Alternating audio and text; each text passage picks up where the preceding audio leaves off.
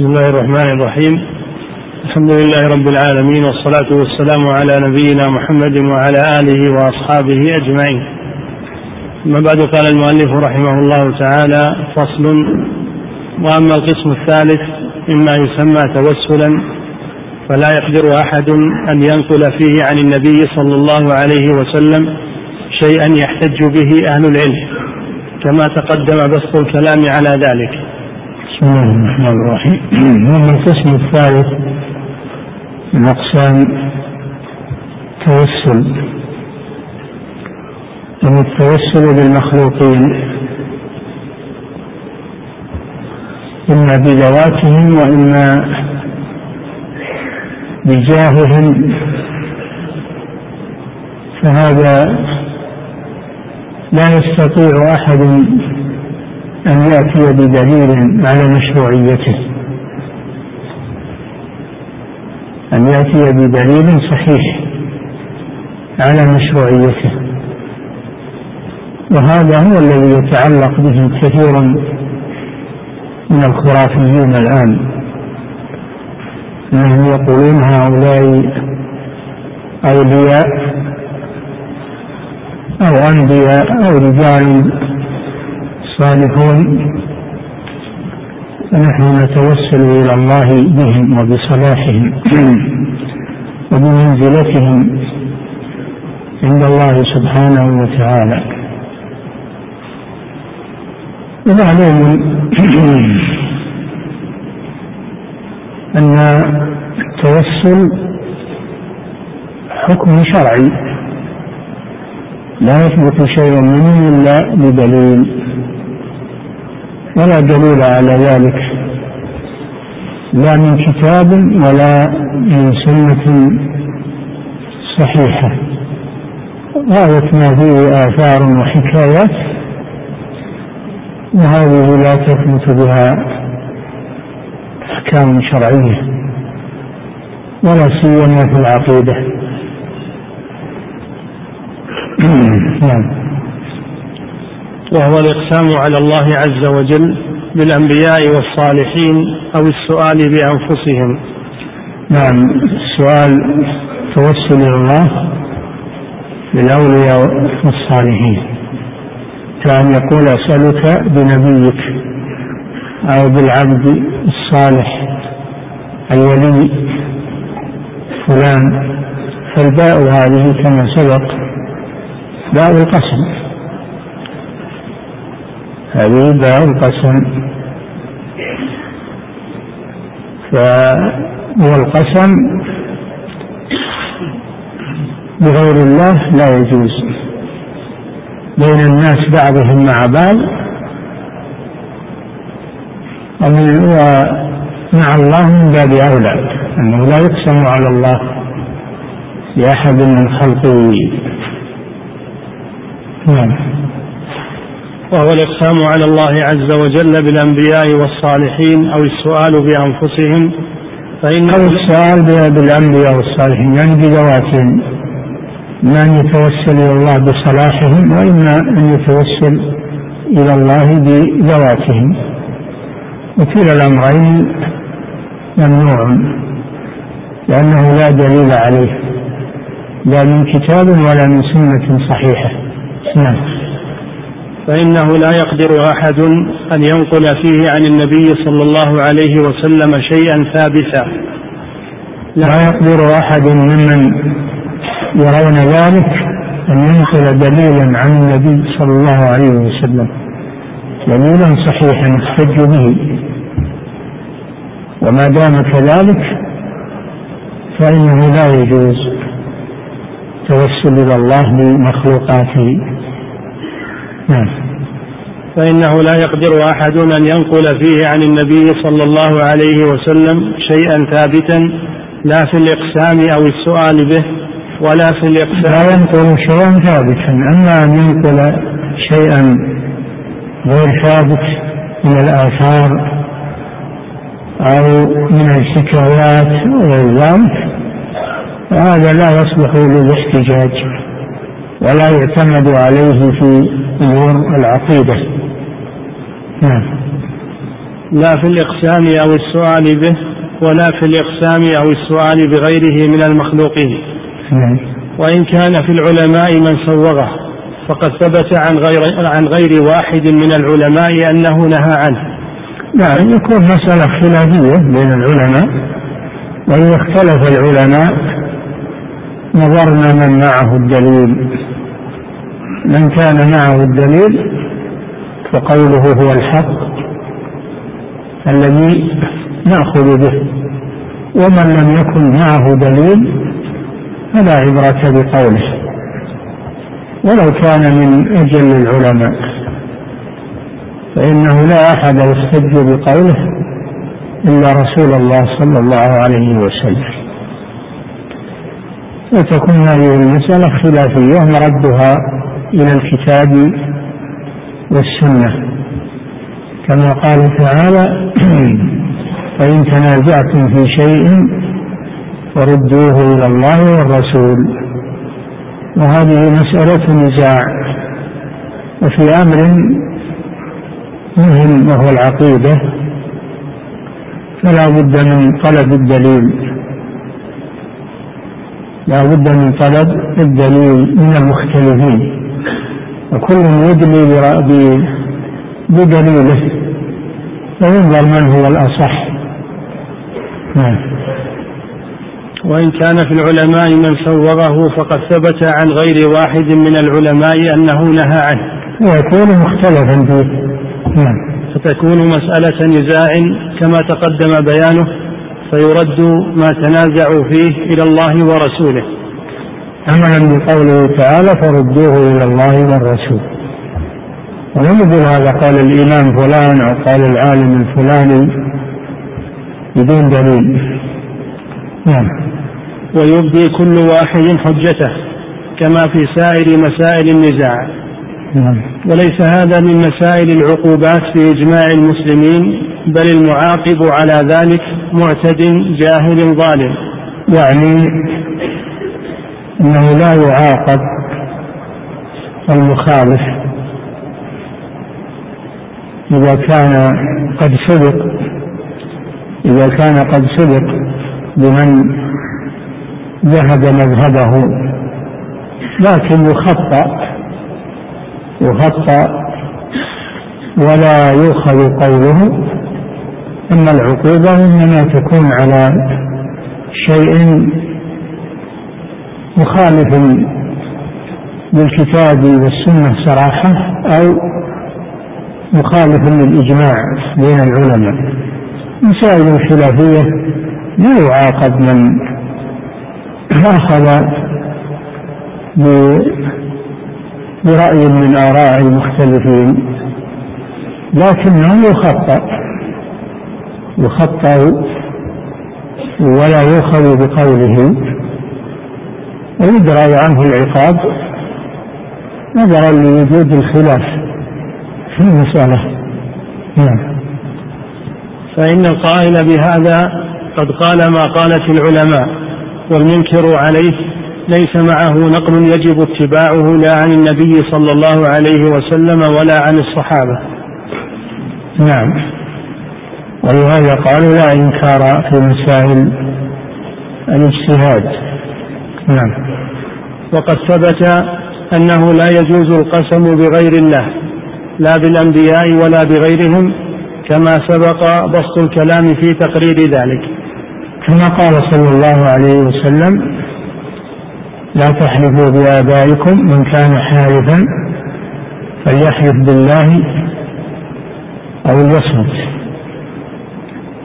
في حديث آخر من حلف بغير الله فقد كفر أو أشرك. وسؤال الله بأحد من خلقه إقسام على الله بمخلوق وهو أشد من الإقسام من الإقسام على المخلوق بالمخلوق. نعم. وقد اتفق العلماء على أنه لا يجوز لأحد أن ينذر لغير الله لا لنبي ولا لغير نبي وأن هذا نذر شرك لا يوفى به.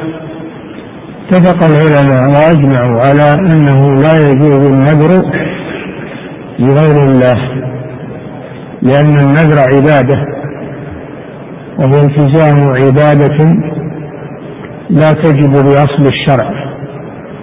التزام عبادة ثابتة بالكتاب والسنة لكنها لم تجب بأصل الشرع فيوجبها على نفسه كأن ينذر الصلاة أو الصدقة أو الحج أو العمرة.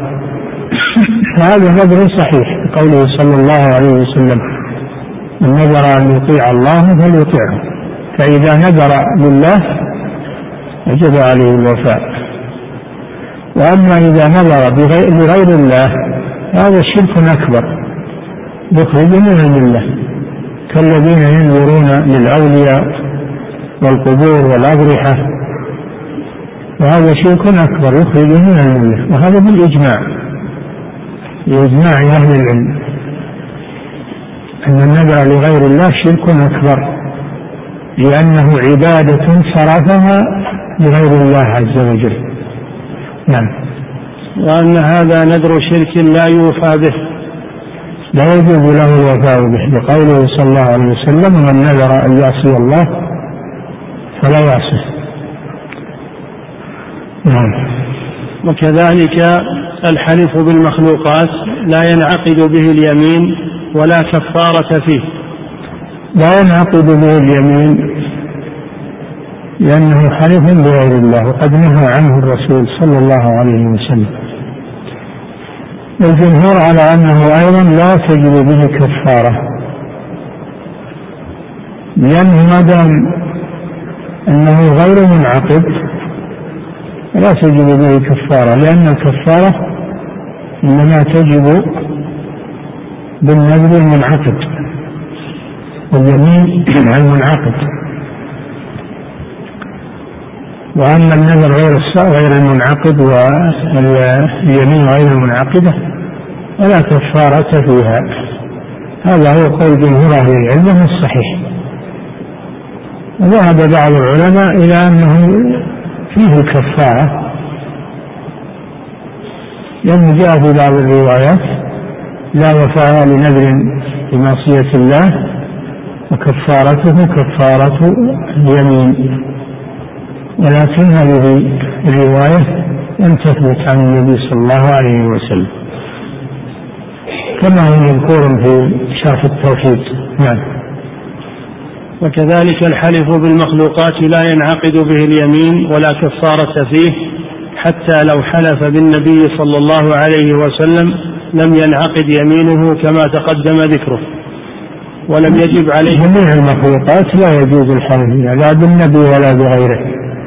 لعموم قوله صلى الله عليه وسلم من حلف بغير الله فقد كفر أو أشرك. هذا عام كل محلوف به غير الله سبحانه وتعالى يشمل النبي وغيره. لأن الحلف بالشيء تعظيم له الحلف بالشيء تعظيم له تعظيم انما يكون لله سبحانه وتعالى. نعم. حتى لو حلف بالنبي صلى الله عليه وسلم لم ينعقد يمينه كما تقدم ذكره ولم يجب عليه كفارة عند جمهور العلماء كمالك والشافعي وأبي حنيفة وأحمد في إحدى الروايتين. نعم. بل نهى بل نهي عن الحلف بهذه اليمين. فإذا لم يجز فإذا لم يجز أن يحلف بها الرجل ولا يقسم بها على مخلوق فكيف يقسم بها على الخالق جل جلاله؟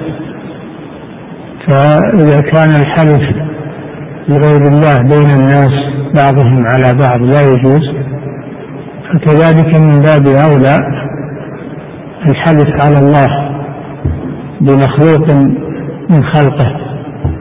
لا يجوز من باب أولى. نعم. وأما السؤال به من غير إقسام به فهذا أيضا يجعله واسطة يعني. يقول أنا ما حلف ولكن أجعله واسطة بيني وبين الله. في قضاء حاجتي هذا أيضا أقل من الحلف لكنه لا يجوز أيضا لأنه لا دليل عليه. نعم. وأما السؤال به من غير إقسام به فهذا أيضا مما منع منه غير واحد من العلماء. والسنن الصحيحة عن النبي صلى الله عليه وسلم وخلفائه الراشدين تدل على ذلك. على أنه لا يجوز السؤال بمخلوق. لا يجوز سؤال الله بمخلوق من باب التوسل به إلى الله سبحانه وتعالى. والتوسل إلى الله بالمخلوق تنقسم إلى قسمين. القسم الأول أن يصرف شيئا من أنواع العبادة بهذه الوسيلة التي هذا المخلوق الذي توسل به يصرف له شيء من أنواع العبادة. كما يفعله القبوريون وكما كان ذلك في الجاهلية أنهم يتوسلون بالملائكة والأولياء والصالحين ويتقربون إليهم بأنواع من العبادات وهذا شرك أكبر. يخرج من الملة. قال تعالى ويعبدون من دون الله ما لا يضرهم ولا ينفعهم ويقولون هؤلاء شفعاؤنا عند الله. قل أتنبئون الله بما لا يعلم في السماوات ولا في الأرض؟ سبحانه وتعالى عما يشركون. وسماه شركا ونزه نفسه عنه سبحانه وتعالى. وهذا هو الغالب على عباد القبور الآن أنهم يذبحون لها وينظرون لها ويستغيثون بها وإذا أنكر عليهم قالوا نحن لا نعبدها وإنما نتوسل بها إلى الله سبحانه وتعالى. هذا مثل قول المشركين يعبدون من دون الله ما لا يضرهم ولا ينفعهم ويقولون هؤلاء شفعاؤنا عند الله. قال تعالى والذين اتخذوا من دونه أولياء ما نعبدهم شوف اعترفوا أنهم يعبدونهم ما نعبدهم إلا ليقربونا إلى الله زلفى إن الله يحكم بينهم يوم القيامة يوم القيامة. إن الله يحكم بينهم فيما فيه يختلفون. إن الله لا يهدي من هو كاذب كفار. حكم عليهم بالكذب وبالكفر. وهم يقولون يقربون إلى الله زلفى. يقولون ما نعبدهم اعترفوا أنهم يعبدونهم ثم قالوا ليقربونا إلى الله زلفى. هذا هو نفس الواقع الآن عند الأضرحة النوع الثاني أن لا يصرف شيئا من العبادة للمتوسل به وإنما يتخذه واسطة فقط. وأظن أن هذا سبب لقبول دعائه إذا وسط بينه وبين الله أحدا من الأولياء والصالحين. يظن أن هذا سبب للإجابة وهذا سبب لم يشرعه الله ولا رسوله. إذا هو بدعة. فيكون بدعة وليس شركا. فهو بدعة ووسيلة إلى الشرك. وسيلة إلى الشرك. نعم. وأما السؤال به من غير إقسام به فهذا أيضا مما منع منه غير واحد من العلماء. والسنن الصحيحة عن النبي صلى الله عليه وسلم. وخلفائه الراشدين تدل على ذلك فإن هذا إنما يفعله من يفعله على أنه قربة وطاعة وأنه مما يستجاب به الدعاء. وما كان من هذا النوع فإما أن يكون واجبا وإما أن يكون مستحبا. وكل ما كان واجبا أو مستحبا في العبادات والأدعية فلا بد أن يشرعه النبي صلى الله عليه وسلم لأمته. فإذا لم يشرع هذا فإذا لم يشرع هذا لأمته لم يكن واجبا ولا مستحبا ولا يكون قربة وطاعة ولا سببا لإجابة الدعاء. وقد تقدم بسط الكلام على هذا كله. نعم تقدم الكلام على هذا في أول باب التوسل أو بحث التوسل. من هذا الكتاب؟ نرجع إليه ولكن أعاده الشيخ رحمه الله من باب تقرير المسألة وتأكيدها وإيضاح الحق فيها. فالمشروع المشروع لا يخلو إما أن يكون واجبا أو مستحبا. أن يكون واجبا أو مستحبا والتوسل ليس واجبا ولا مستحبا إذا هو غير مشروع. لا أحد يقول أنه واجب ولا أحد يقول أنه مستحب لأن الوجوب والاستحباب يحتاجان إلى دليل ولا دليل على ذلك. إذا التوسل ليس مشروعا. فلا يمكن لصاحبه أن يقول أنه واجب ولا يمكن لصاحبه أن يقول إنه مشروع. لأنه لو قال ذلك قيل له هات الدليل؟ ولا يستطيع أن يقيم دليلا عليه إذا هو غير مشروع. وإذا كان غير مشروع فهو بدعة.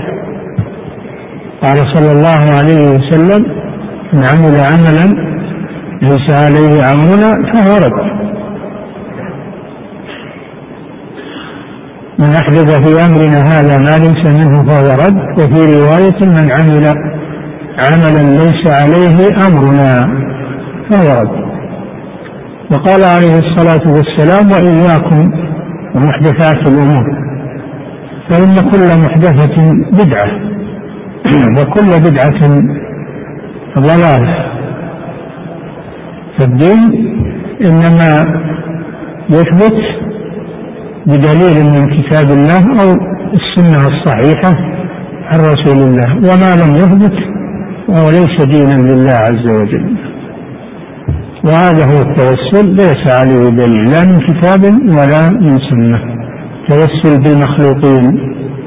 سواء توسل إلى الله بهم أو بواسطتهم. إنه لا دليل على ذلك. الله جل وعلا قال وقال ربكم ادعوني أستجب لكم. ولم يقل ادعوني وتوسلوا إلي بالمخلوقين. بل قال ادعوني أستجب لكم. وقال سبحانه وتعالى وإذا سألك عبادي عني فإني قريب. أجيب دعوة الداعي إذا دعاني فلا تجعل بينك وبين الله واسطة في دعائك. بل ادعو ربك مباشرة بينك وبينه والله يسمعك ويراك ويقدر على إجابتك ويريد الرحمة بك. ولا حاجة إلى اتخاذ الوسائل والشفعاء لأن هذا إنما يكون في الدنيا عند الملوك والرؤساء الذين لا يريدون قضاء حوائج الناس فيتخذ لهم الوسائط والشفعاء أما الله جل وعلا فإنه يحب أن يدعوه عبده ليستجيب له. وقال ربكم ادعوني أستجب لكم. من ذا الذي يسألني فأعطيه من ذا الذي من ذا الذي يستغفرني فأغفر له؟ فالله جل وعلا ما يحتاج إلى واسطة في رفع حوائجك إليه ودعائك له. لا يحتاج إلى واسطة. نعم. ومن اعتقد ذلك في هذا وفي هذا فهو ضال وكانت بدعته من البدع السيئة. والضلال ضد الهدى. ولهذا قال صلى الله عليه وسلم فإن كل بدعة ضلالة. فهو ضلالة. والضلال ضد الهدى. فماذا بعد الحق إلا الضلال فأما تصرفون نعم. وقد تبين بالأحاديث الصحيحة وما استقرئ من أحوال النبي صلى الله عليه وسلم وخلفائه الراشدين أن هذا لم يكن مشروعا عندهم. وإن هذا التوسل بالأشخاص ليس مشروعا ليس مشروعا. لأنه لو كان مشروعا لا تبين من الكتاب والسنة وليس من الكتاب والسنة دلالة على مشروعيته. نعم. وأيضا فقد تبين أنه سؤال لله تعالى بسبب لا يناسب إجابة الدعاء وأنه كالسؤال بسبب لم يجعله الله سببا لم يجعله الله سببا. فليس من أسباب إجابة الدعاء اتخاذ الوسيلة والواسطة الواسطة بينك وبين الله من خلقه. نعم. وأنه كالسؤال بالكعبة والطور والكرسي والمساجد وغير ذلك من المخلوقات. نعم. المخلوقات ما يسأل الله بها. ولو كان لها فضل لها شان كالكعبة المشرفة بيت الله العتيق. لا تقول أسألك بالكعبة أو ببيتك العتيق هذا لم يقله أحد. ولا أسألك بالطور وهو الجبل الذي كلم الله عليه موسى عليه السلام. ولا الكرسي والمساء ولا بالكرسي وسع كرسيه السماوات ولا بالعرش. مع ما هذه المخلوقات من الفضل فبالإجماع لا يجوز السؤال بالكعبة ولا بالطور ولا بالكرسي ولا بالعرش. هذه مخلوقات. فإذا كان لا يجوز في هذه الأشياء لا يجوز بغيرها. نعم. وأنه كالسؤال بالكعبة والطور والكرسي والمساجد وغير ذلك من المساجد كان يقول أسألك بالمسجد الحرام أو مسجد الرسول أو أو المسجد الأقصى؟ لا يجوز هذا. نعم. وغير ذلك من المخلوقات ومعلوم أن سؤال الله بالمخلوقات ليس هو مشروعا كما أن الإقسام بها ليس مشروعا. السؤال بها مجرد السؤال بها ليس مشروعا. من باب أولى الإقسام بها على الله لأن الرسول نهى عن الحلف بغير الله. نعم. كما أن الإقسام بها ليس مشروعا بل هو منهي عنه. بقوله لا تحلفوا من كان حالفا فليحلف بالله وليصمت من حلف بغير الله فقد أشرك. قد كفر أو أشرك. نعم.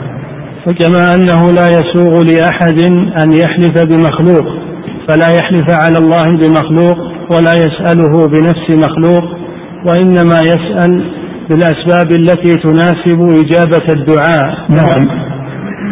فلا فإذا كان الحلف بين الناس بعضهم على بعض بالمخلوق بالمخلوق محرما وشركا كما بينه النبي صلى الله عليه وسلم فكيف بالحلف على الله بمخلوق من مخلوقاته؟ هذا من باب أولى لا يجوز. وكذلك السؤال به باب التوسط به ومظنة أنه يستجاب الدعاء بواسطته هذا أيضا بدعة لا يجوز. نعم. فكما أنه لا يسوغ لأحد أن يحلف بمخلوق فلا يحلف على الله بمخلوق ولا يسأله بنفس مخلوق. نعم لا يسأله بالمخلوق من باب الإقسام ولا من باب السؤال به. نعم. وإنما يسأل بالأسباب التي تناسب إجابة الدعاء. يسأل بالأسباب التي جعلها الله أسبابا للإجابة. كالسؤال كسؤال الله بأسمائه وصفاته ومن الله الأسماء الحسنى فادعوه بها فهو سبب للإجابة. تقول يا رحمن ارحمني يا رزاق ارزقني يا غفار أو غفور اغفر لي وهكذا تسأل الله بأسمائه وصفاته سبحانه وتعالى. ولله الأسماء الحسنى فادعوه بها. أيضا تتوسل إليه بالأعمال الصالحة. ربنا آمنا بما أنزلت واتبعنا الرسول. اكتبنا مع الشاهدين. ربنا إننا سمعنا مناديا ينادي للإيمان أن آمنوا بربكم فآمنا. ربنا فاغفر لنا ذنوبنا وكفر عنا سيئاتنا وتوفنا مع الأبرار. كما توسل أصحاب الغار كما يأتي بأعمالهم الصالحة توسل إلى الله بالأعمال الصالحة مشروع بالكتاب والسنة. نعم. وإنما وكذلك التوسل إلى الله بالحاجة والفقر إليه سبحانه كما قال أيوب عليه السلام أن مسني الضر مسني الضر وأنت أرحم الراحمين. توسل إلى الله بشيئين بحاجته وفقره وتضرره بالألم. والشيء الثاني وأنت أرحم الراحمين.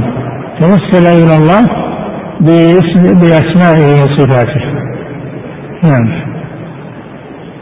وإنما يسأل بالأسباب التي تناسب إجابة الدعاء كما تقدم تفصيله.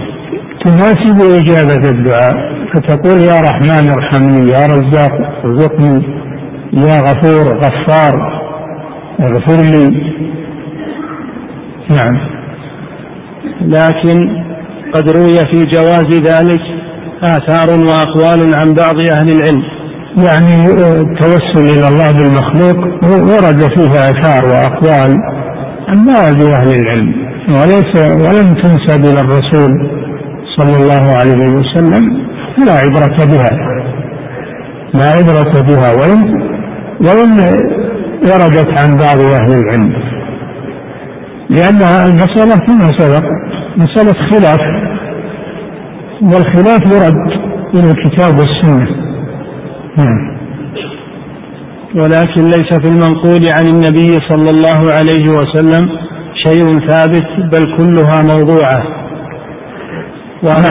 فأنت إذا أنكرت على الذين يتخذون الوسائط والوسائل راح ينزل لك كلام أهل العلم. قال فلان وقال فلان. ويمكن يكتب مجلدا في النقولات كلها لا تغني عنه شيئا. لأنه ليس من بينها دليل عن الله أو عن رسوله صلى الله عليه وسلم. مجرد الأقوال الأقوال يستدل لها ولا يستدل بها. هذه قاعدة. أقوال أهل العلم يستدل لها من الكتاب والسنة ولا يستدل بها. نعم إنما يستدل بقال الله قال رسوله. نعم. ولكن ليس في المنقول عن النبي صلى الله عليه وسلم شيء ثابت بل كلها موضوعة. واليوم لما ظهر الكمبيوتر و والذي سجلت فيه الخلافات وأقوال أهل العلم. صار سهلا على هؤلاء الخرافيين النقل فمجرد ما يضغط على الزر تظهر له الأقوال وينقلها ويقول هذا قول فلان وهذا قال فلان وهذا. هذه كلها ما تغني عنه شيئا. لأنها ليس فيها قال الله قال رسوله. إنما فيها قال فلان فلان. ممن ليس معصوما وليس قوله حجة. نعم. وأما النقل عمن ليس قوله حجة فبعضه ثابت وبعضه ليس بثابت. أيضا حتى المنقول عنه قد يكون ما ثبت عنه. وحتى لو ثبت عنه ليس هو حجة. فلا تكلف نفسك بنقل هذه الأقوال. إن كان عندك دليل من الكتاب والسنة أبرزه أما تكلف نفسك نقل الأقوال وتسود الصحف بنقل الأقوال والآراء هذا ما يغني شيئا. لأنه إما أن يكون غير ثابت عمن نسب إليه كما كذبوا على مالك كما سبق في قصة المنصور مع مالك كذب. وإما أن يكون ثابتا عنه لكنه ليس بحجة. نعم. والحديث الذي رواه أحمد وابن ماجه وفيه بحق السائلين عليك وبحق ممشاي هذا. نعم هذا ورد عن الرسول صلى الله عليه وسلم أن الماشي إلى المسجد يقول يدعو بهذا الدعاء اللهم إني لم أخرج أشرا تعلم أني لم أخرج أشرا ولا بطرا خرجت اتقاء سخطك وابتغاء مرضاتك. أسألك بحق السائلين عليك وبحق من شاء هذا. قالوا فهذا توسل بحق السائلين. توسل بحق السائلين. توسل من الله بحق السائلين على الله. الجواب عن هذا كما ذكر الشيخ من وجهين. الوجه الأول أنه لم يثبت عن النبي صلى الله عليه وسلم لأن فيه من لا يحتج بروايته وهو عطية العوفي ضعيف وأيضا هو مرمي بالتشيع فلا يحتج به. قد رواه عن أبي سعيد الخدري فالرجل لا يحتج بروايته من ناحية أنه ضعيف من ناحية أنه متشيع فيه بدعة الشيعة. ضلال الشيعة هذا جواب. الجواب الثاني لو ثبت لو ثبت فإنه ليس فيه حجة لهم لأنه قال أسألك بحق السائلين. وحق السائلين ما هو؟ هو الإجابة إجابة من كما قال كما في الحديث القدسي من ذا الذي يسألني فأعطيه. فحق السائلين أن يجيبهم. وإجابة السائلين صفة من صفات الله. فهو السميع المجيب سبحانه وتعالى إن ربي قريب مجيب. فحق السائلين الإجابة. والإجابة صفة من صفات الله سبحانه وتعالى. فهو توسل إلى الله بصفة من صفاته. وهو إجابة السائلين.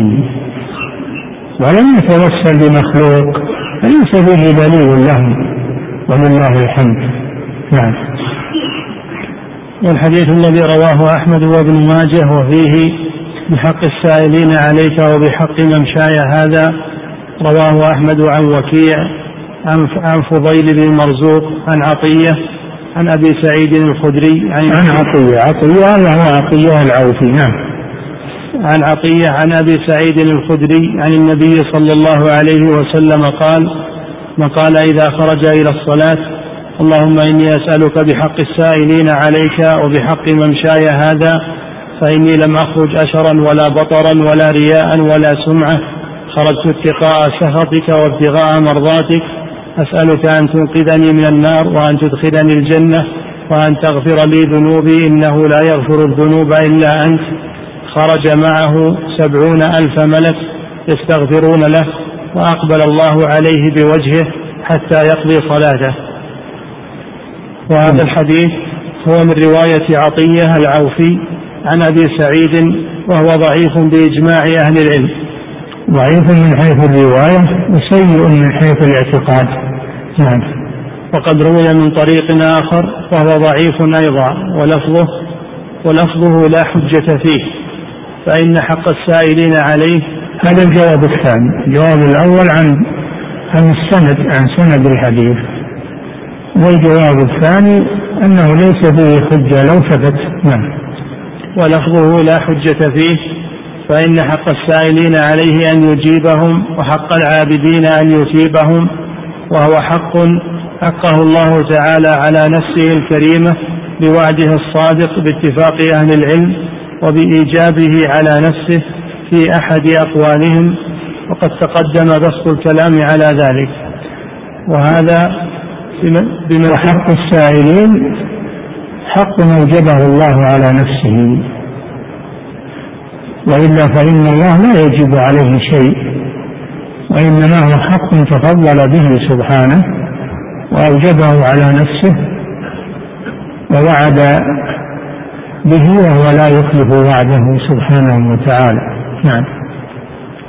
وهذا بمنزلة الثلاثة الذين سألوه في الغار بأعمالهم. نعم. فهذا الحديث لو ثبت لو ثبت هذا الحديث فإنه من جنس التوسل بالأعمال الصالحة لأن المشي إلى الصلاة عبادة. لأن المشي إلى الصلاة عبادة وطاعة فهو توسل إلى الله بممشاه إلى إلى المسجد. والتوسل بالأعمال الصالحة هذا ثابت بالكتاب والسنة كما في حديث الذين آواهم المبيت في غار انطبقت عليهم صخرة وسدت عليهم الباب الغار. صاروا لا يستطيعون الخروج منها. فقالوا إنه لا ينجيكم إلا أن تتوسلوا إلى الله بصالح أعمالكم التي سبقت. لأن الله لأن الرسول صلى الله عليه وسلم قال تعرفوا إلى الله في الرخاء. يعرفك في الشدة. من كانت له اعمال صالحة فإن الله ينجيه من الشدة. إذا وقع إذا وقع فيها. وننجي رسلنا والذين آمنوا كذلك حقا علينا ننجي المؤمنين. المؤمنين. فمن تعرف إلى الله بالطاعة في سابق عهده وفي حال الرخاء فإنه إذا وقع في شدة فإن الله يفرجها عنه.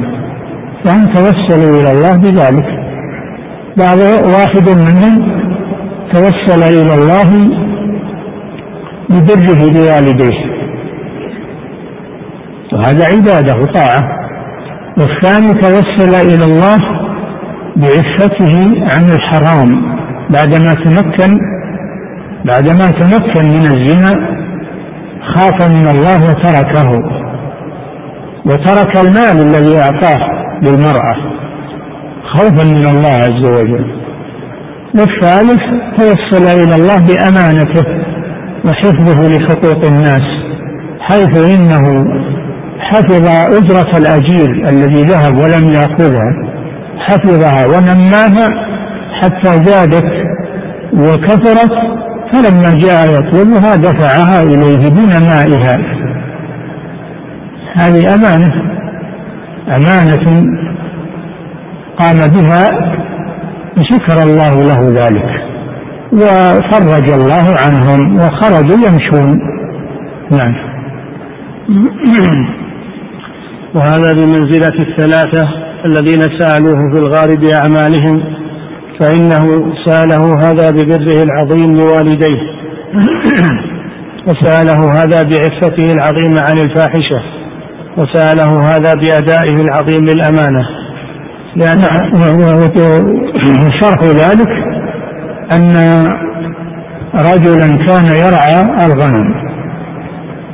وله والدان كبيران وأولاد صغار. ويتأخر صار في ليلة من الليالي تأخر وكان من عادته أنه إذا جاء يحلب الغنم ويبدأ بوالديه يسقيهما ثم يسقي الأولاد. في ليلة طلب مرعا بعيدا بالغنم وسبب أنه تأخر ولا ولم يحضر إلا متأخرا فلما حضر جاء بالحليب وجد الوالدين قد ناما.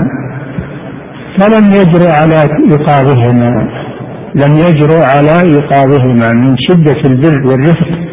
بهما ظل واقفا والإناء بيده والأطفال يتضاغون عند قدميه حتى استيقظا وسقاهما ثم سقى الأولاد.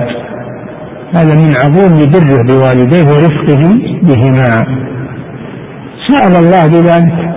الثاني كانت له ابنة عم جميلة وكان يراودها في يوم من الأيام احتاجت حاجة شديدة فطلبت منه المساعدة أن يقرضها أن يقرضها الدنانير فأبى إلا أن تمكنه من نفسها.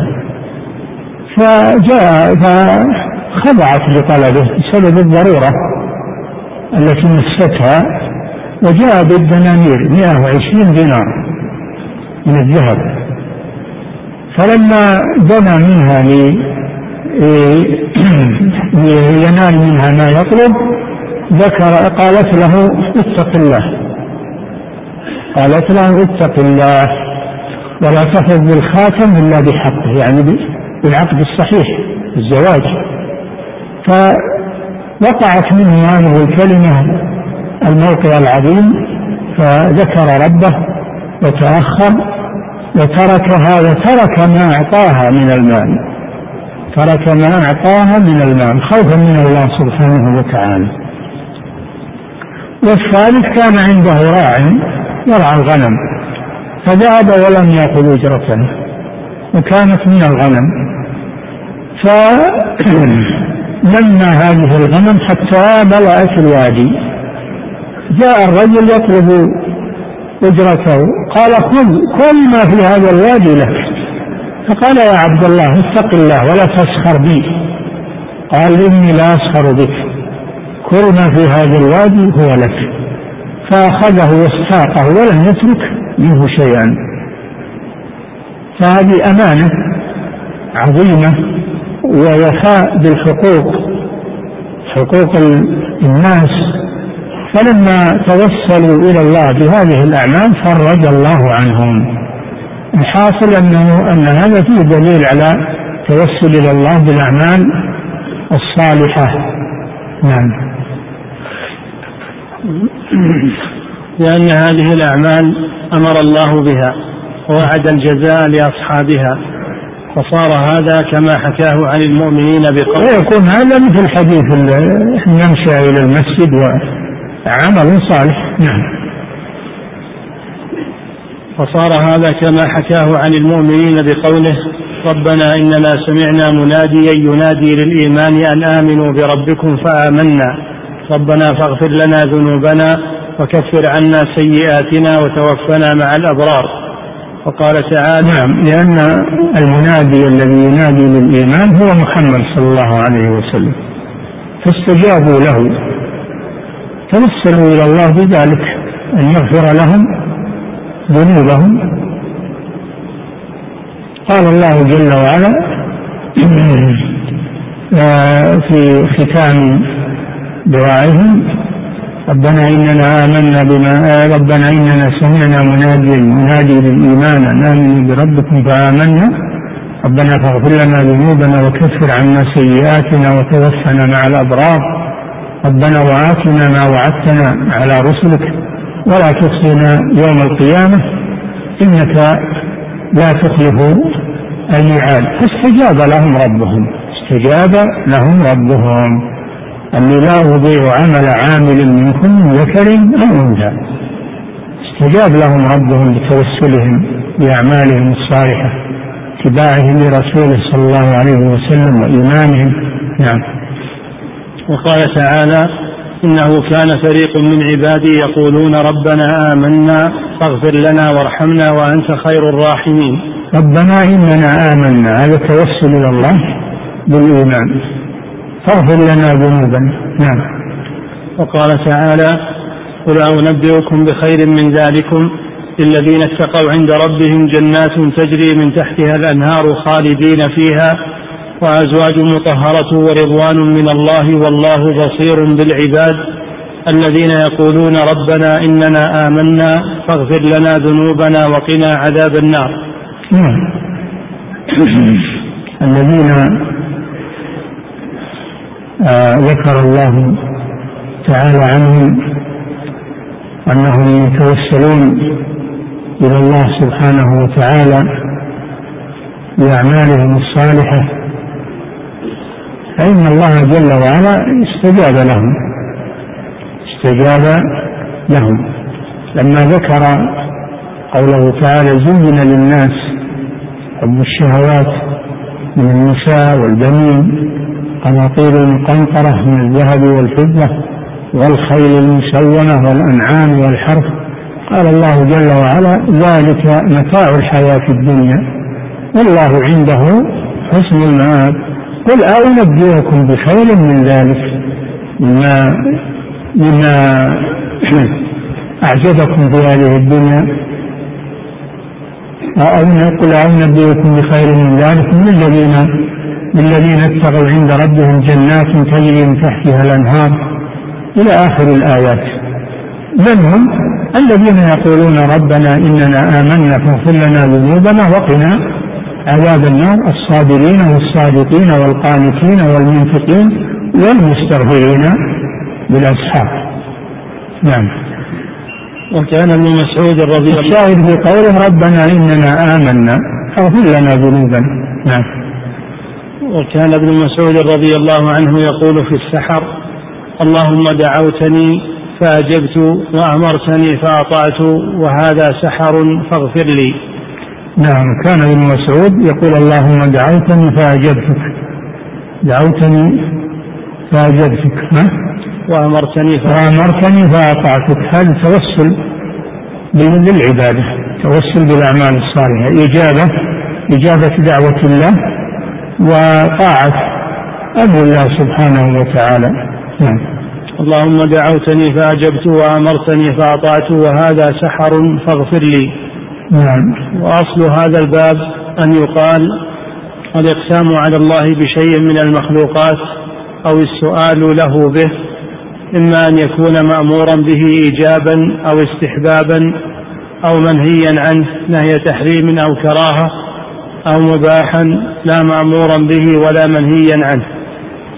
وإذا قيل إن ذلك مأمور به أو مباح فإما أن يفرق بين مخلوق ومخلوق أو يقال بل يشرع بالمخلوقات المعظمة أو ببعضها. فمن قال إن هذا مأمور به أو مباح في المخلوقات جميعها لزم أن يسأل الله تعالى بشياطين الإنس والجن فهذا لا يقوله مسلم. لأن مخلوقات إن قال أنه توسل إلى الله بكل المخلوقات يلزم من هذا أنه توسل إلى الله بالشياطين لأنها مخلوقات لله عز وجل. وإن قال يتوسل إليه ببعض المخلوقات دون بعض يقال له ما هو الدليل على هذا؟ ما هو الدليل؟ نعم. فإن قال بل يسأل أو بل يسأل بالمخلوقات المعظمة. المعظمة خاصة نعم. كالمخلوقات التي أقسم بها في كتابه لزم من هذا أن يسأل بالليل إذا يغشى. وإن قال بل إنه يسأل بالمخلوقات التي عظمها سبحانه وأقسم بها فيقال هل يسأل الله بكل ما أقسم به في القرآن؟ الله أقسم بأشياء كثيرة هل كلها يتوسل بها أو ببعضها أقسم بالليل والنهار والضحى وأقسم بالنازعات والصافات وأقسم بالرياح والذاريات ذروة الحاملات وقرا فالجاريات يسرا أقسم بالسفن التي تجري في البحر أقسم بأشياء كثيرة هل كلها يتوسل بها؟ نعم لازم من هذا أن يسأل بالليل إذا يغشى والنهار إذا تجلى والذكر والأنثى والشمس وضحاها والقمر إذا تلاها والنهار إذا جلاها والليل إذا يغشاها والسماء وما بناها والأرض وما طحاها ونفس وما سواها ويسأل الله تعالى ويقسم عليه بالخنس الجوار الكنس. فلا أقسم بالخنس بجوار الكنس وهي النجوم. النجوم التي تجري. نعم. ويسأل الله تعالى ويقسم عليه بالخنس الجوار الكنس والليل إذا عسعس والصبح إذا تنفس ويسأل بالذاريات ذروا فالحاملات وقرا فالجاريات يسرا فالمقسمات أمرا ويسأل بالطور وكتاب مسطور في رق منشور والبيت المعمور والسقف المرفوع والبحر المسجور ويسأل ويقسم عليه بالصافات صفا وسائر ما أقسم الله به في كتابه. فإن الله يقسم بما يقسم به من مخلوقاته لأنها آياته ومخلوقاته. فهي دليل على ربوبيته وألوهيته ووحدانيته وعلمه وقدرته ومشيئته ورحمته وحكمته وعظمته وعزته. فهو سبحانه يقسم بها لأن إقسامه بها تعظيم له سبحانه ونحن المخلوقون ليس لنا أن نقسم بها ليس لنا أن نقسم بها بالنص والإجماع. نعم. القاعدة في هذا أن الله جل وعلا يقسم بما شاء من خلقه ولا يقسم إلا بشيء له شأن. لا يقسم بشيء إلا وله شأن يختص به دون غيره. وإقسامه به لا تعظيما لذلك المخلوق وإنما هو تعظيم لله لأن هذا المخلوق العظيم الذي فيه هذه الأسرار الهائلة دليل على قدرة الله الذي خلقه وأوجده فهو تعظيم لله لا تعظيم للمخلوق. وأما المخلوق فإنه لا يقسم إلا بالله عز وجل لا يقسم بغيره كما في الحديث. نعم. ونحن المخلوقون ليس لنا أن نقسم بها بالنص والإجماع بل ذكر غير واحد الإجماع على أنه لا يقسم بشيء من على أنه لا يقسم بشيء من المخلوقات وذكروا إجماع الصحابة على ذلك بل ذلك شرك منهي عنه. بدليل قوله صلى الله عليه وسلم من حلف بغير الله فقد كفر وأشرك لا تحلفوا بآبائكم. من كان حالفا فليحلف بالله أو ليصمت. وهذا عام في المنع من الحلف بكل المخلوقات. نعم. ومن سأل الله بها لزمه أن يسأله بكل ذكر وأنثى وبكل نفس ألهمها فجورها. فإن كان الذي يسأل بهذه المخلوقات يقسم بها على الله فهذا حرام لأنه لا يجوز الإقسام بغير الله. لا يجوز لنا الإقسام بغير الله. وإن كان يسأل بها ولا يقسم بها وإنما يتوسل بها فيلزمه أن يتوسل بكل مخلوق. نعم. ولا يخص شيئا دون شيء. نعم.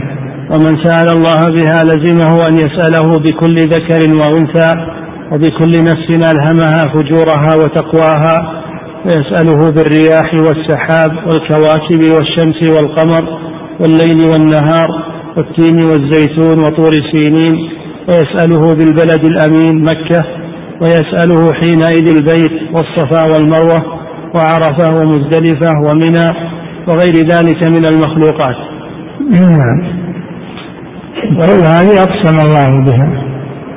التين والزيتون لأن لأن التين نبات الطور الذي كلم الله عليه موسى والزيتون موطن المسيح عليه الصلاة والسلام في فلسطين.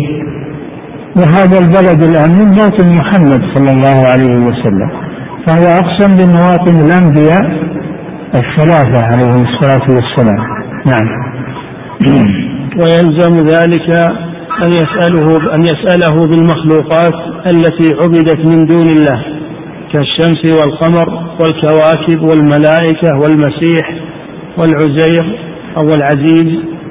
نعم. العزير نعم. والعزير وغير ذلك مما عبد من دون الله ومما لم يعبد من دونه. م. ومعلوم أن السؤال لله بهذه المخلوقات أو الإقسام عليه بها من أعظم البدع المنكرة في دين الإسلام ومما يظهر قبحه للخاص والعام ويلزم من ذلك أن يقسم على الله تعالى بالإقسام والعزاء بالأقسام والعزائم التي تكتب في الحروز والهياكل التي تكتبها الطرقية والمعزمون. نعم. بل ويقال إذا جاز السؤال والإقسام على الله بها فعلى المخلوقات أولى فحينئذ تكون العزائم والأقسام التي يقسم بها التي يقسم بها على الجن مشروعة في دين الإسلام مشروعة في دين الإسلام. وهذا الكلام يستلزم الكفر والخروج من الإسلام بل ومن دين الأنبياء أجمعين. إذا نظرنا إلى أفعال الناس وتصرفات الناس واحتججنا بها. اتسع الكلام اتسع الكلام لأن أفعال الناس كثيرة متنوعة وإن كانوا يعظمون هذه الأشياء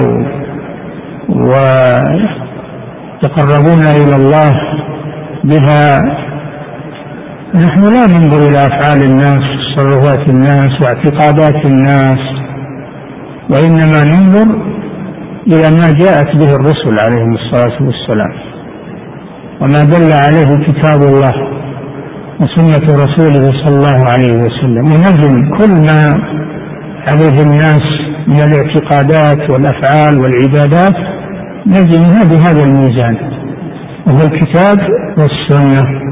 فما وافق الكتاب والسنة فهو حق وما خالف الكتاب والسنة فهو باطل وضلال الحمد لله أن الله لم يكلنا إلى أحوال الناس وتصرفات الناس واعتقادات الناس وإنما أنزل علينا كتابا وأرسل إلينا رسولا وأمرنا أن نرجع إلى الكتاب والسنة.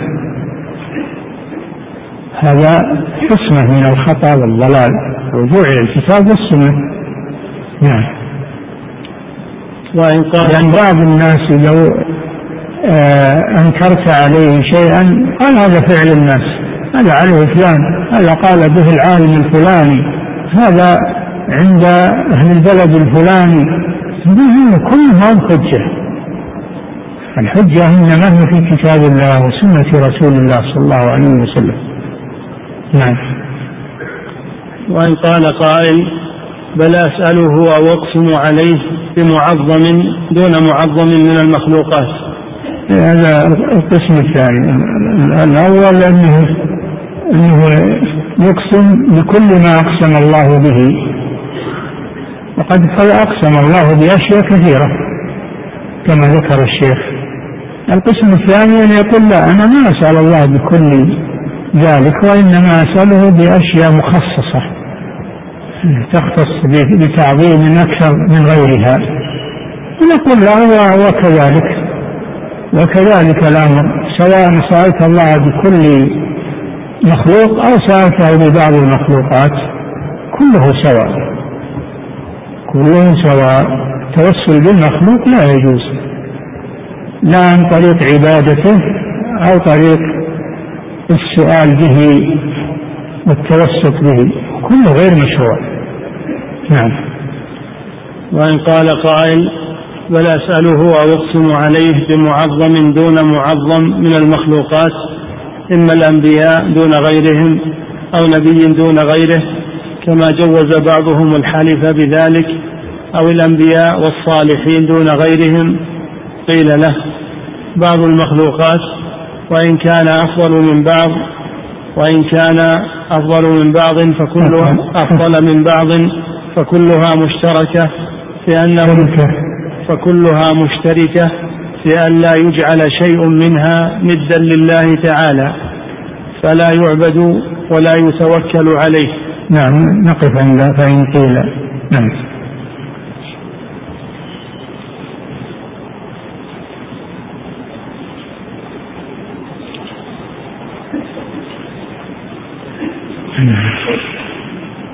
يقول فضيلة الشيخ وفقكم الله ذكر ابن تيمية رحمه الله الإجماع على أنه لا يقسم بشيء من المخلوقات فما حجة وما دليل من يقول بأن الإمام أحمد قد أجاز الإقسام بالنبي صلى الله عليه وسلم خاصة.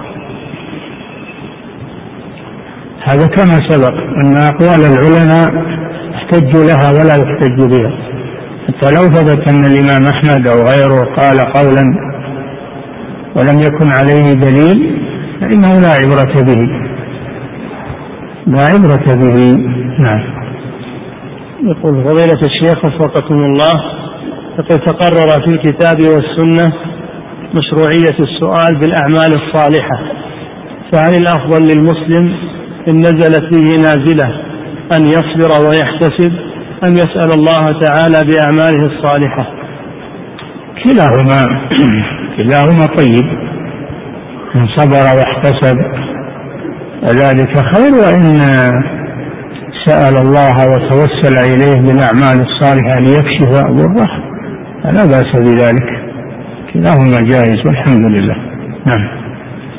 يقول فضيلة الشيخ وفقكم الله ما الصيغة اللفظية للسؤال بغير الله من غير إقسام بغيره؟ توسل به توسل به أسألك بفلان أسألك بفلان نبيك أو عبدك الصالح أن تستجيب دعائي. هذا لم يقسم عليه وإن لم يقسم على الله به وإنما وسطه فقط مجرد واسطة. نعم. يقول فضيلة الشيخ فالباء شوف الباء أسألك بفلان. تحتمل معنيين. تحتمل أنها باء القسم وتحتمل أنها باء السبب. فسؤال الله لأحد هذه باء السبب. هذه باء السببية. نعم. أما إذا كان يقصد الحلف فتكون الباء باء القسم. نعم. حسب نية القائل. نعم. الله أكبر الله أكبر الله أكبر الله أكبر أشهد أن لا إله إلا الله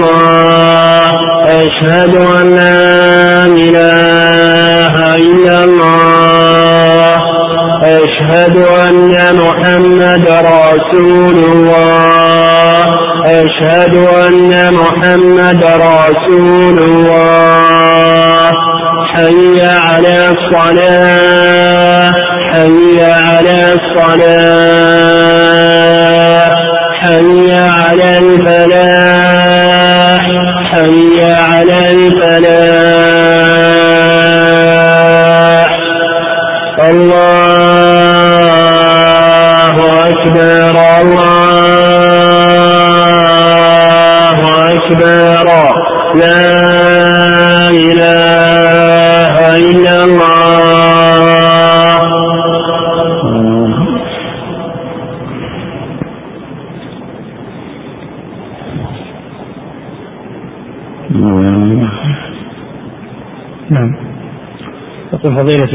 وفقكم الله ما الفرق بين التوسل بجاه النبي صلى الله عليه وسلم فيسمى شركا وبين التوسل بجاه المخلوقين فيسمى بدعة؟ وما وجه كون التوسل بجاهه صلى الله عليه وسلم؟ ما أحد قال أن التوسل بجاه النبي شرك إنما قالوا بدعة. قالوا إنه بدعة. السؤال بالجاه سواء جاه الرسول أو جاه غيره هذا بدعة. يعني لم يرد عليه به دليل. نعم. يقول فضيلة الشيخ وفقكم الله هل يجوز التوسل بعمل النبي صلى الله عليه وسلم ونبوته؟ لا. لا تتوسل إلى الله بعمل غيرك. توسل إلى الله بعملك الصالح. أما عمل غيرك فهو له. وليس لك فيه عم... ليس لك فيه مشاركة. كل له عمله. تلك أمة قد خلت لها ما كسبت ولكم ما كسبتم ولا تسألون عما كانوا يعملون. فلا تتوسل إلى الله بعمل غيرك. توسل إنما هو بعملك أنت العمل الصالح. نعم. يقول فضيلة الشيخ وفقكم الله كيف يتم التفريق بين الشرك وبين الوسيلة إلى الشرك؟ واضح الشرك شرك صريح كعبادة غير الله بالدعاء والاستغاثة والذبح والنذر. وأما الوسيلة آه، مثل مثل الدعاء عند القبور. دعاء الله عند القبور. دعاء الله عند القبور. وما يدعو القبور وإنما يدعو الله. لكن عند القبر يظن أن هذا سبب لقبول الدعاء. فهذه وسيلة من وسائل الشرك. في الأول يظن أن الدعاء عند قبره أن له مزية ثم في النهاية يصرف الدعاء إلى الميت يكون هذا سبب للشرك.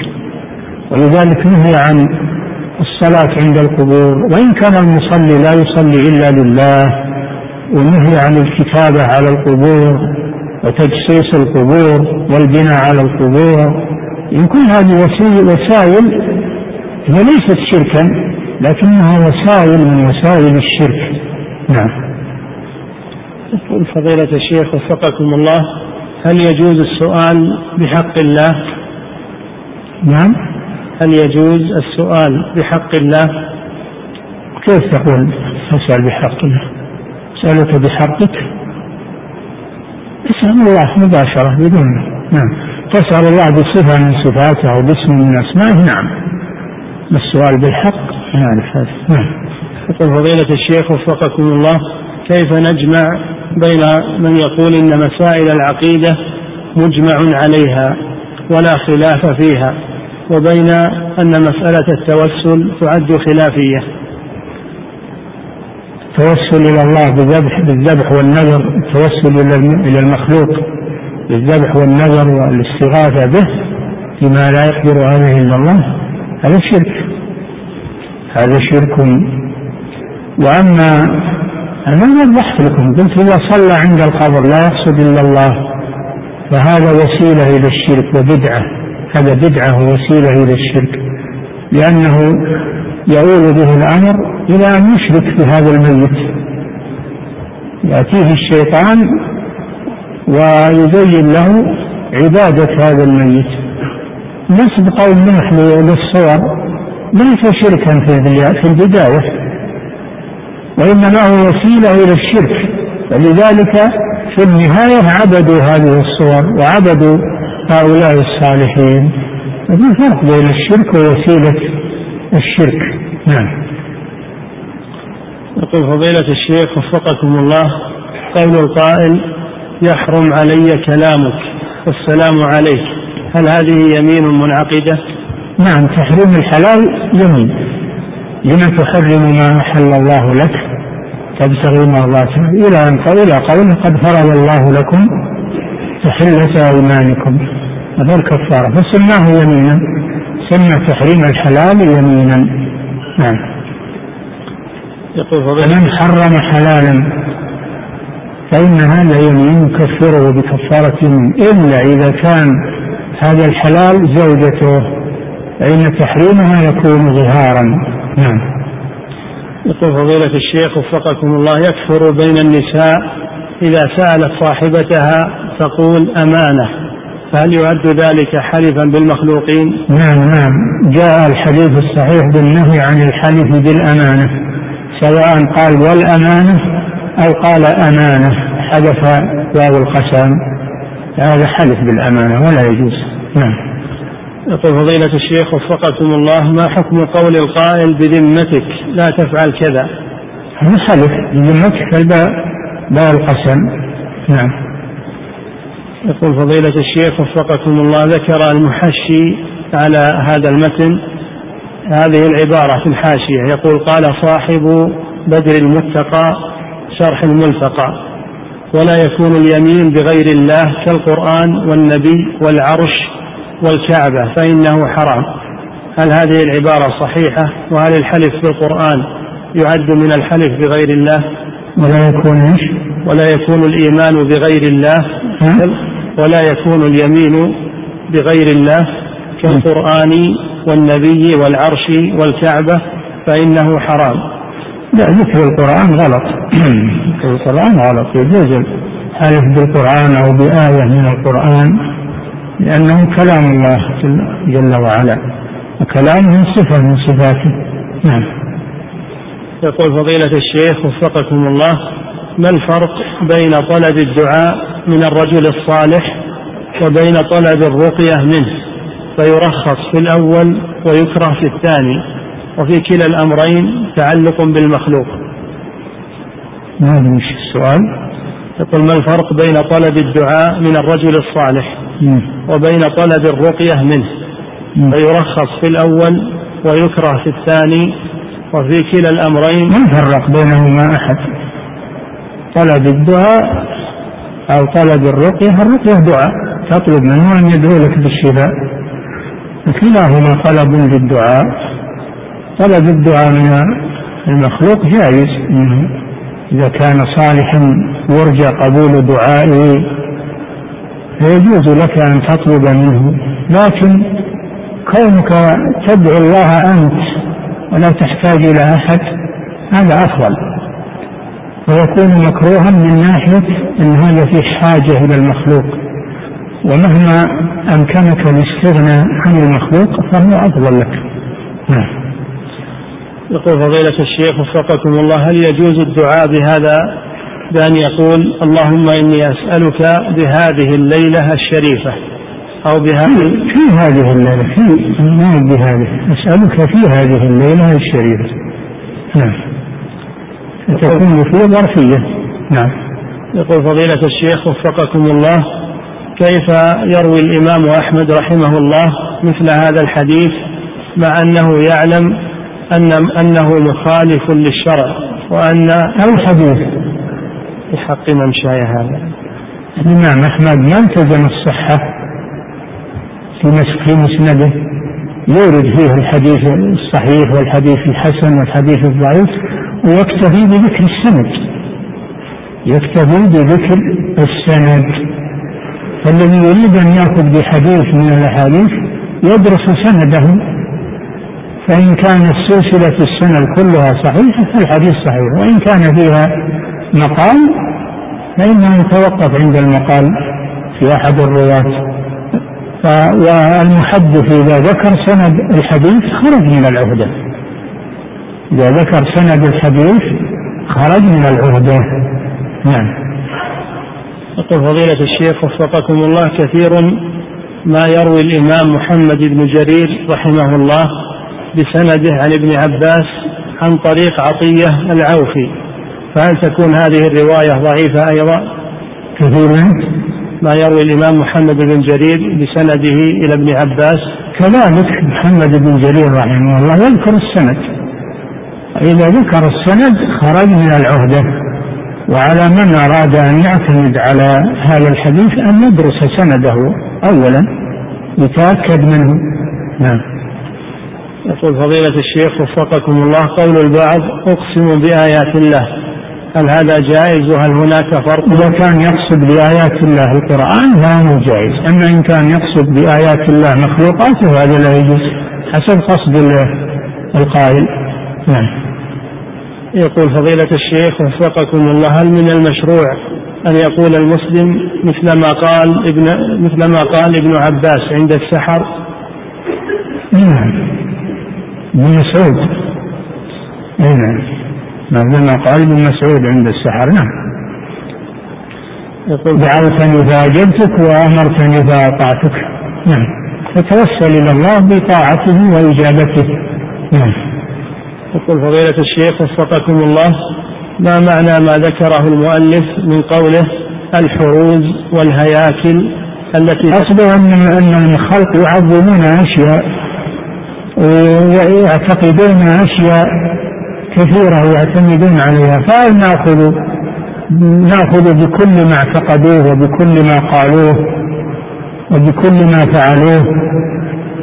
نقول هذه أعمال وهذه أقوال علماء وأقوال ناس من قبلنا الجواب لا. نعرض أقوالهم وأفعالهم على كتاب الله على سنة رسول الله صلى الله عليه وسلم. نعم. فكونك تأخذ ب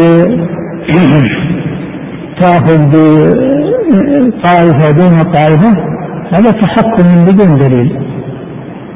لا ميزة لبعضهم على بعض. ما دامت أقوال المخلوقين غير معصومين كلها سواء لا تعتمد منها إلا ما دل عليه الدليل. وإلا يلزمك أن تأخذ بأقوال المنجمين وأقوال عبدة الكواكب والخرافيين. نعم يقول فضيلة الشيخ وفقكم الله هل تجب كفارة اليمين إذا كانت هذه اليمين حال الغضب؟ نعم هل تجب كفارة يمين إذا كانت هذه اليمين حال غضب؟ اليمين والطلاق والبيع والشراء إذا كان في حالة غضب مستحكم لا يتصور ما يقول هذا لا عبرة بأقواله لأنه مغلق عليه. أما إذا كان يتصور ما هو غضبان لكن يتصور ما يقول ويعرف ما يقول فهذا يلزمه قوله. يلزمه اليمين يلزمه الطلاق يلزمه نعم. يقول فضيلة الشيخ وفقكم الله في أحد أو في إحدى الأيام أو في أحد الأيام من رمضان استيقظت فأكلت, وشربت لأنني لم أسمع أذان الفجر.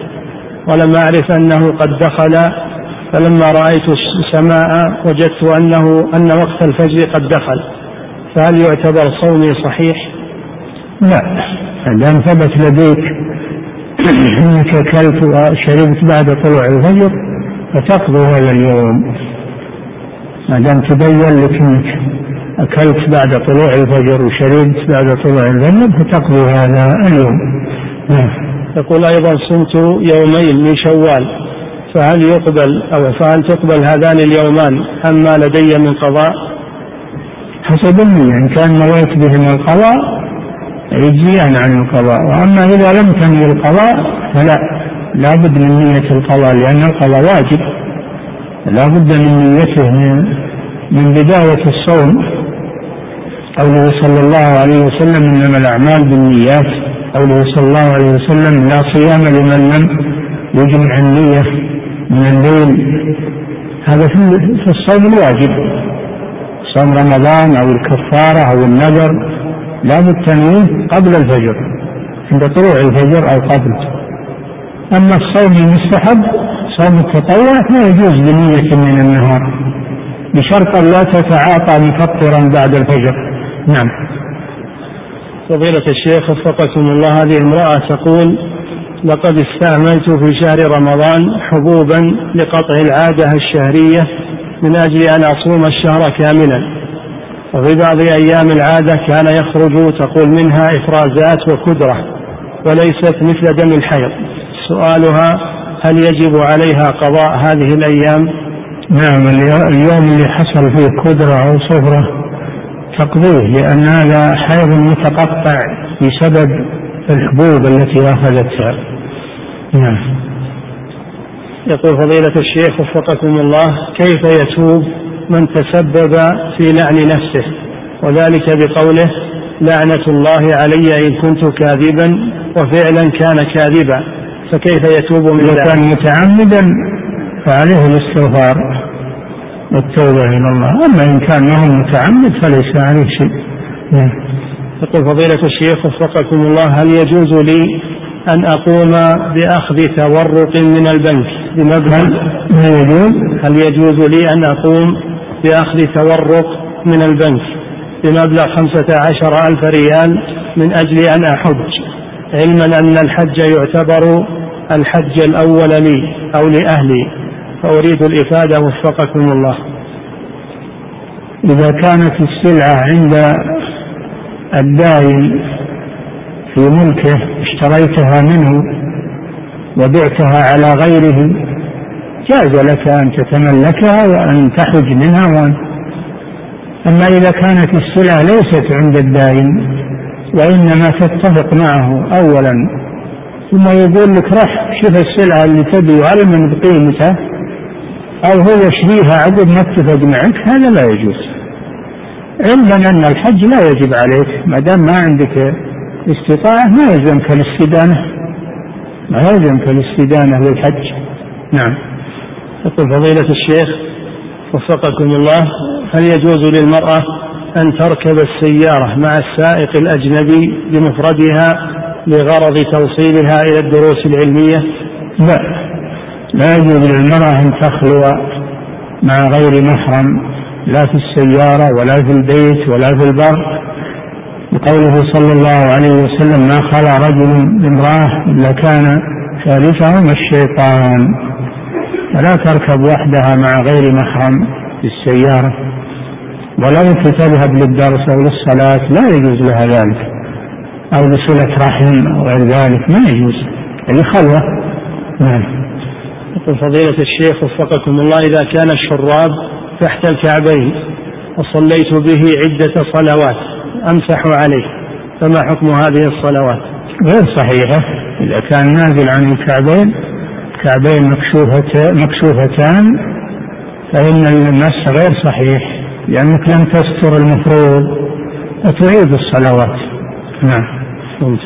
الله تعالى أعلم صلى الله وسلم على نبينا الله أكبر الله أكبر أشهد أن لا